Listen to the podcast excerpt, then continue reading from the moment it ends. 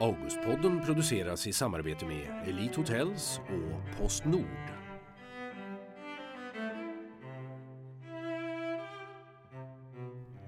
Välkommen till Augustpodden Elisabeth Åsbrink. Du är journalist och författare och din senaste bok 1947 är ju nominerad till Augustpriset i kategorin Årets fackbok. Mm.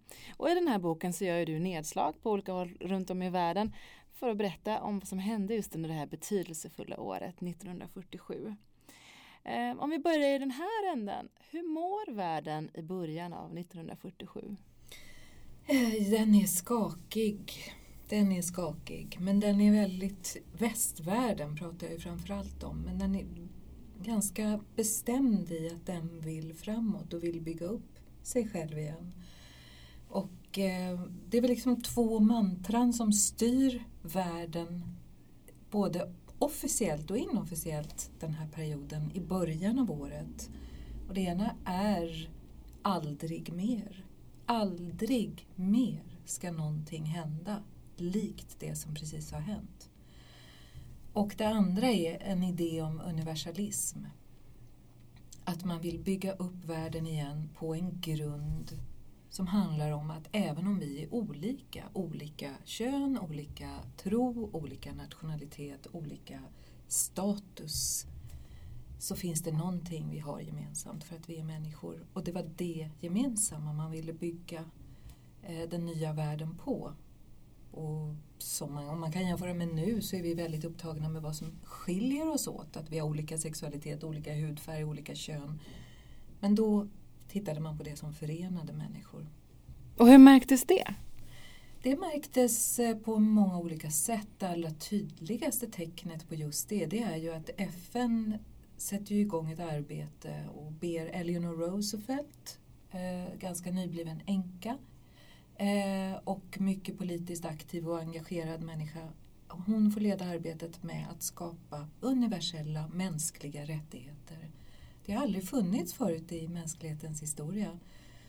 Den franska Code Napoleon innehöll ju rättigheter för franska medborgare och USAs konstitution innehöll rättigheter stadgade för människorna där. Men universella mänskliga rättigheter som varje individ, var de än är födda på jordklotet, har rätt till. Eh, oavsett allt, oavsett, oavsett familjestatus och allt det här. Det har aldrig funnits tidigare det börjar man med då och det blir FNs deklaration om de mänskliga rättigheterna. En helt ny grej helt enkelt. Mm. Och den 10 februari så skrivs fredsfördraget på i Paris och då är andra världskriget formellt sett över.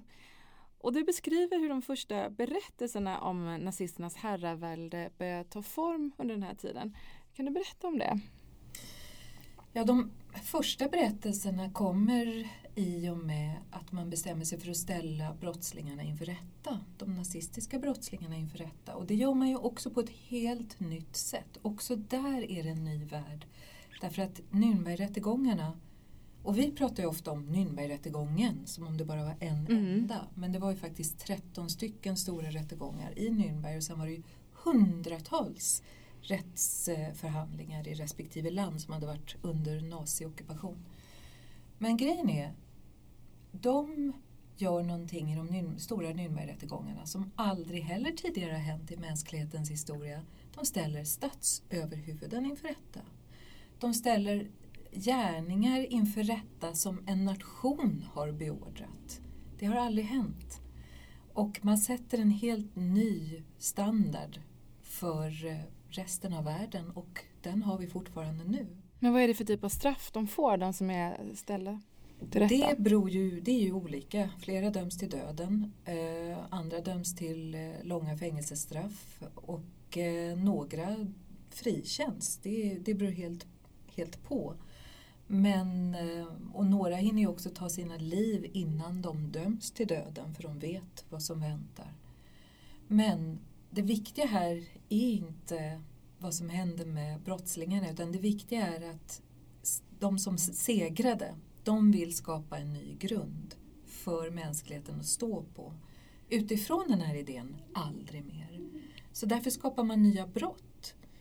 Eh, vad kan det vara för någonting? Ja, till exempel i själva Nürnbergrättegångarna så är det ju ett nytt brott som heter brott mot mänskligheten. Sen så skriver jag om Rafael Lemkin, en jurist som strider hårt och ensamt. Han är ju en liten outsider, en sorgsen människa som strider tills han dör av utmattning för att få ett brott erkänt som han så att säga har skapat. Och det är brottet genocide, folkmord. Det fanns ju inte innan. Och den här Rafael Lemkin som är en, jag kallar honom ett mörker som vill göra världen ljusare. Han är mm, en mycket ensam människa och han drevs under hela sitt liv, även innan andra världskriget, så drevs han av en enda fråga. Nämligen hur kan mordet på en individ vara ett brott och väcka upprörda känslor? Men mördar man en grupp människor, då finns det inte ens ett brott som täcker den handlingen och inget straff och inget namn. Vad lyckas han förändra då med det här? I och med att han skapar brottet genocide, folkmord, så har vi kunnat ställa eh, Radovan Karadzic inför rätta för det som hände i Srebrenica. Vi har kunnat ställa Jean-Paul Aikeso för det som hände, inför rätta för det som hände i Rwanda. Eh, Guatemalas förra diktator har ställts inför rätta eh, för saker han var ansvarig för. Det är en ny moral och en ny grund som har gjort världen lite bättre. Folkmord händer ändå. Det är mm. förfärligt men mm. nu kan vi ändå straffa människor. Mm. Hur ser flyktingsituationen ut i Europa just då? Ja, alltså det här året är ju... Eh, Europa är en ruin. Det har fallit så enormt mycket bomber över Europa och eh, de stridande har lämnat efter sig förstörda dammar, broar, skördar, allt. Europa är verkligen en, en stor ruin. Och det är också fyllt av flyktingläger. Hundratusentals människor som har varit fångar i koncentrationsläger eh, sitter nu i nya läger för att de kan inte, vill inte och får inte återvända tillbaka där de kom. Eh, de överlevande judarna har varit med om att de har varit utsatta för pogromer, förföljelse, misshandel, allt det. De vill inte återvända till de länder som utsatte dem för det. De vill helst till USA och Storbritannien men USA och Storbritannien vill inte släppa in dem. Och någonstans, det är ett stort limbo, så någonstans i detta så formulerar sig det tredje alternativet Palestina som en möjlig utväg för dem. Och eh, det pågår en massa försök att ta sig till Palestina illegalt med båtar över Medelhavet. Så det finns tydliga paralleller till vår verklighet idag. Eh, just att det finns många flyktingar undan en plats dit de inte kan återvända under överskådlig framtid där de kanske inte vill återvända för de har varit med om för plågsamma saker. Men har vi lärt oss någonting från eh, dåtiden? Det här är ändå 70 år sedan. kan världen hantera den här situationen bättre ja, idag? Det ser vi väl själva att den inte hanterar det särskilt bra. Eh, och på ett sätt så, så jag ser, om man säger det är 70 år sedan, men jag tycker att 70 år är en väldigt, väldigt kort tid. Så för mig är det här egentligen bara det jag skriver om 47, det är ju vårt nu. För mig hänger det ihop. Jag kan inte dra ett streck och säga att det där var då och det här är nu. Eh, om vi har lärt oss någonting, olika politiska skenen som faktiskt äger rum det här året skapar ju det nu vi har idag. Och vad det gäller flyktingfrågan så är det ju väldigt lätt att konstatera att där har inte så mycket förändrats. Mm. Sen är själen kanske annorlunda, kanske. Elisabeth, det finns ju också en annan del av den här boken, den som är, inte är så mörk och dyster utan du skriver ju också om eh, en annan sida, en sida som handlar om att en, det finns en längtan efter att lämna kriget bakom sig, att vältra sig i lyx och flärd och skönhet och kultur. Eh, I boken så skriver du bland annat om Christian Diors första kollektion som presenteras 1947. På vilket sätt var den betydelsefull? Ja, alltså jag har ju valt ett antal personer som jag följer och Christian Dior är en utav dem. Och alla de jag har valt ut har ju, de är extremt känsliga för sin samtid. De fångar upp strömningarna innan de ens innan någon ens rikt, innan någon annan gör det. Och det uttrycker sig i deras konstnärliga arbete. Vi har Thelonious Monk med sin musik och vi har Dior med sin, sin modekonst och så har vi några författare, Simone de Beauvoir och George Orwell, som alla är otroligt Eh, receptiva för vad som händer runt omkring dem och reagera på det. Och det är också därför deras arbeten fortfarande betyder något för oss idag. Men det Dior gör, förutom att han gör fantastisk konst, det han lägger fram där, det är den första kollektionen under eget namn, The New Look. Och han presenterar den 12 februari och den 13 februari så vill alla ha den.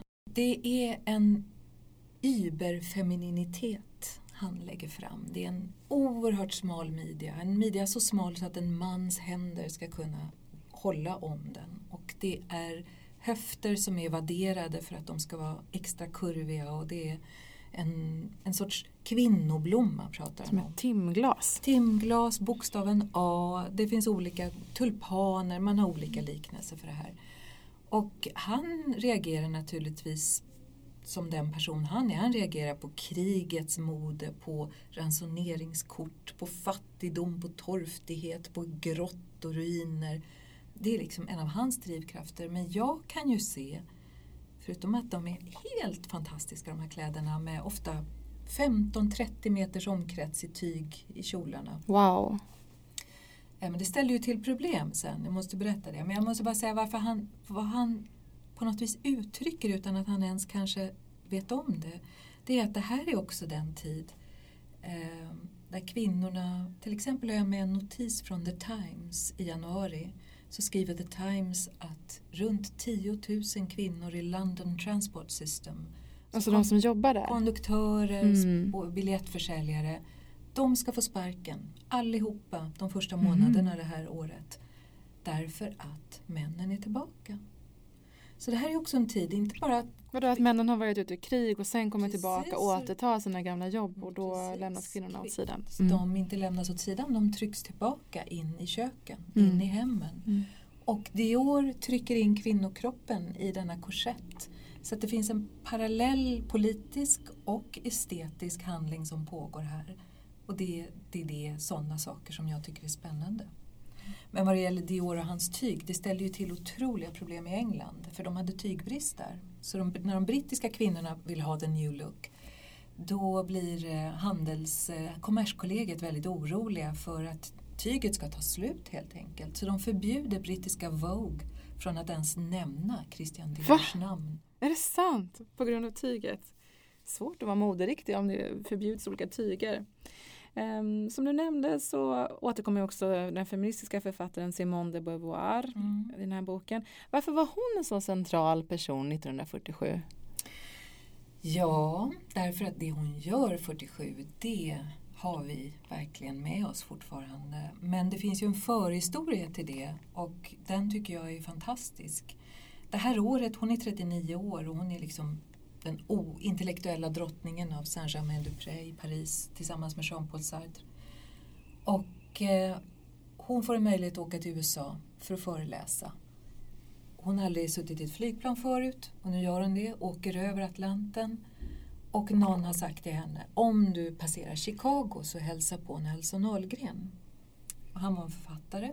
Det är inte så många som vet vem han är längre men han skrev en bok som Lou Reed läste och sen skrev Lou Reed A Walk on the Wild Side. Men har han en svensk koppling med tanke Ja, på hans efternamn? Han har en svensk pappa. Eh, så, men han var uppvuxen i Chicago. Vilket fall som helst. Nelson Ahlgren, Simone de Beauvoir passerar Chicago, träffar Nelson och de blir dödskära. Fruktansvärt kära. Och eh, de inleder då en transatlantisk passion. Och Distansförhållande, så jobbigt. det kan man, man, mer distans än det här blir det nästan inte. Men de ses ju då och då men fram, emellanåt så skriver de till varann och hennes brev finns kvar och de har jag ju utgått ifrån. Och det är väldigt fina brev därför att hon är ju en oerhört tänkande och intellektuell kvinna men här brottas hon med sin maktlöshet. Därför det hon känner är allt man känner när man är väldigt, väldigt kär i någon. Man känner sig maktlös. Man känner sig svartsjuk. Eh, hur ska de göra? Om någon vill ligga med någon annan, ska de låta det ske för att det är en gåva till den de älskar? Eller är det en gåva till den de älskar att låta bli att ligga med den andra? Alltså Hur gör de då? Ligger de med andra? Äh, de, Framkommer det i breven? Jag tror att de gör det men att de inser att det är inte det som gör dem lyckliga i alla fall. Men det är ju inte så lätt det här. Mm. Och de måste hitta sin lösning och de brottas med det. Och det är väldigt fint och hon är väldigt hon ger sig hän den här maktlösheten. Och det tycker jag är otroligt vackert att följa. Samtidigt, det är det som är så häftigt, så är hon ju en superanalyserande kvinna. Alltså tänk om man hade haft hennes hjärna kan jag känna ibland. Ja, jag Eller åtminstone ja, en fjärdedel av den. Kanske, men vad hon gör är ju att samtidigt som hon erfar den här personliga maktlösheten sexuell maktlöshet, eller vad man nu ska säga, den som en passion för med sig, åtråns maktlöshet, så analyserar hon kvinnors underordning, kvinnors maktlöshet i världen. Så hon börjar arbetet med det andra könet, feministbibeln. Och det börjar hon det här året vid den här tiden för att hon för sådana samtal med Nelson Ahlgren om samhälle, om politik. Så det är en fantastisk fin båge som hon i sig själv står för. Men trots den här maktlösheten och att hon är ledsen för att hennes kille är på andra sidan Atlanten så hindrar ju det här inte henne från att eh, ja, gå ut och roa sig. Det skriver om hur hon är på hemliga nattklubbar tillsammans med andra intellektuella i Paris. Alltså de hade det rätt ball va? Hon hade det bra.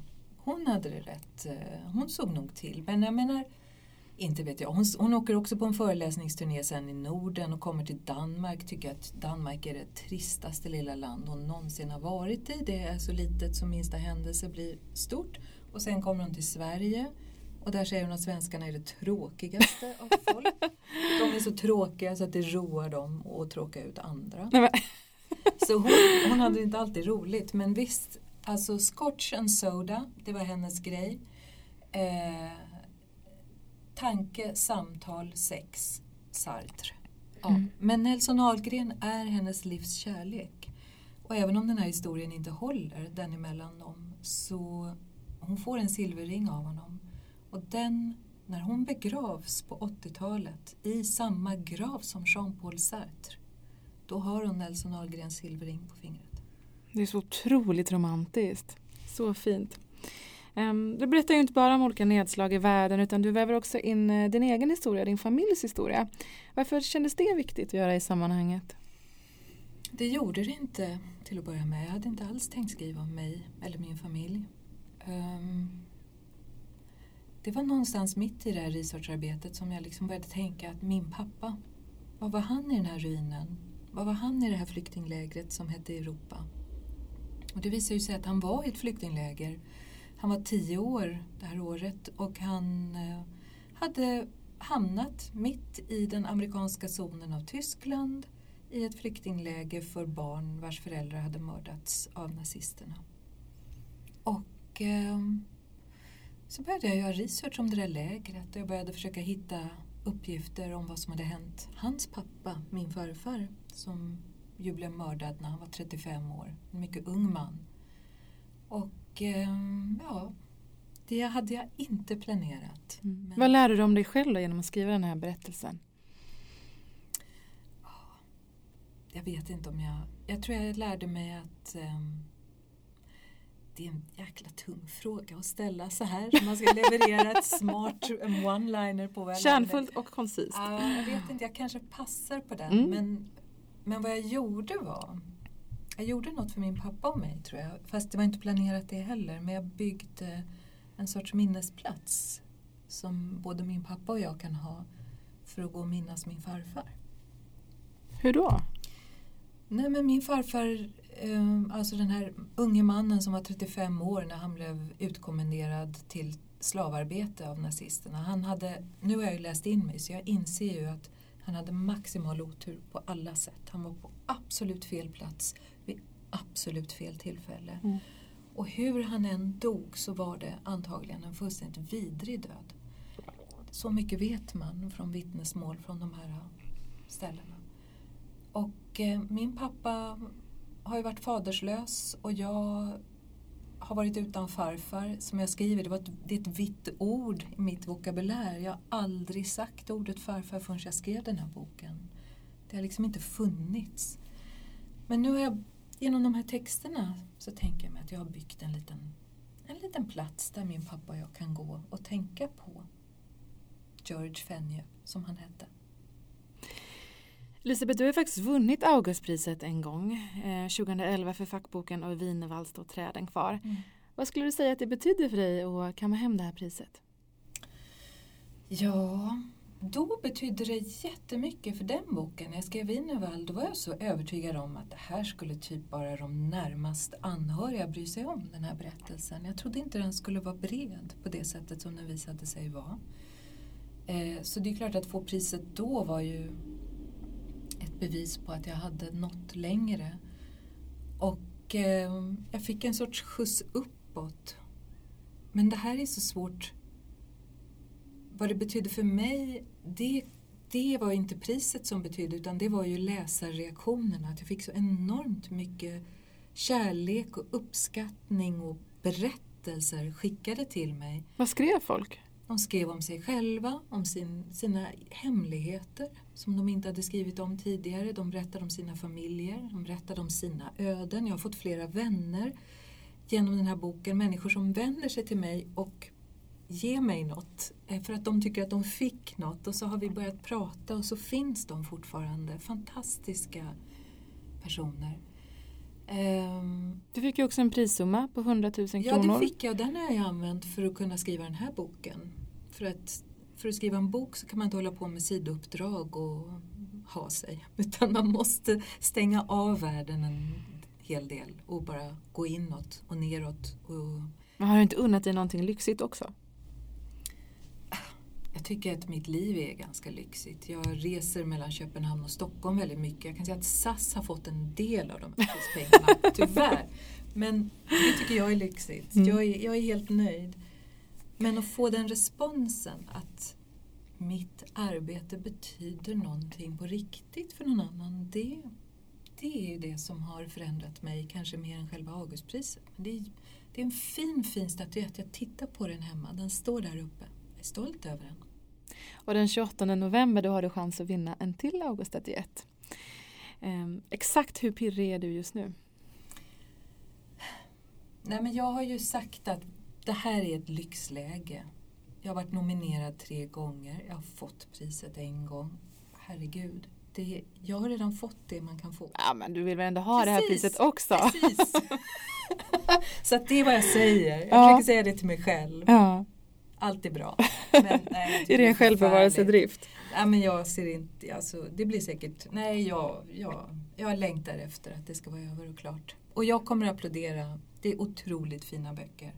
Jag vill läsa dem, det är några som jag verkligen, verkligen vill läsa utav de nominerade. Vilka då? Alltså jag har läst Niklas Orenius bok som jag tycker är mm, jättebra. Mm, Skotten i Köpenhamn. Mm. Eh, så, men jag, vill, jag har länge velat läsa Glömskans bibliotek. Och Nina Burtons bok vill jag också jättegärna läsa Gutenberg-galaxens Nova. Jag tycker den verkar otroligt spännande. Så att jag kommer att applådera det vilken vinnare den blir. Det är en fin samling nominerade helt enkelt. Men Elisabeth, jag tycker vi ändå vi ska avsluta med den allra viktigaste frågan. Vad ska du ha på dig på galan? Jag har ingen aning. Vad tycker du? Vad ska du ha på dig? Jag ska ha på mig något glittrigt och flärdfullt och höga klackar och eh, överdrivet mycket smink. Är det så? Mm. Okej, okay, alltså för jag tittade på något glittrigt häromdagen i en affär, Filippa K. En väldigt snygg topp. Men nej, jag vet inte. Jag vet inte. Det löser sig nog till dess. Ah, svårt. Så här är en av de tunga frågorna. Jag är glad att du tar upp den. Tack för att du kom hit Elisabeth Åsbrink. Tack. Augustpodden produceras i samarbete med Elite Hotels och Postnord.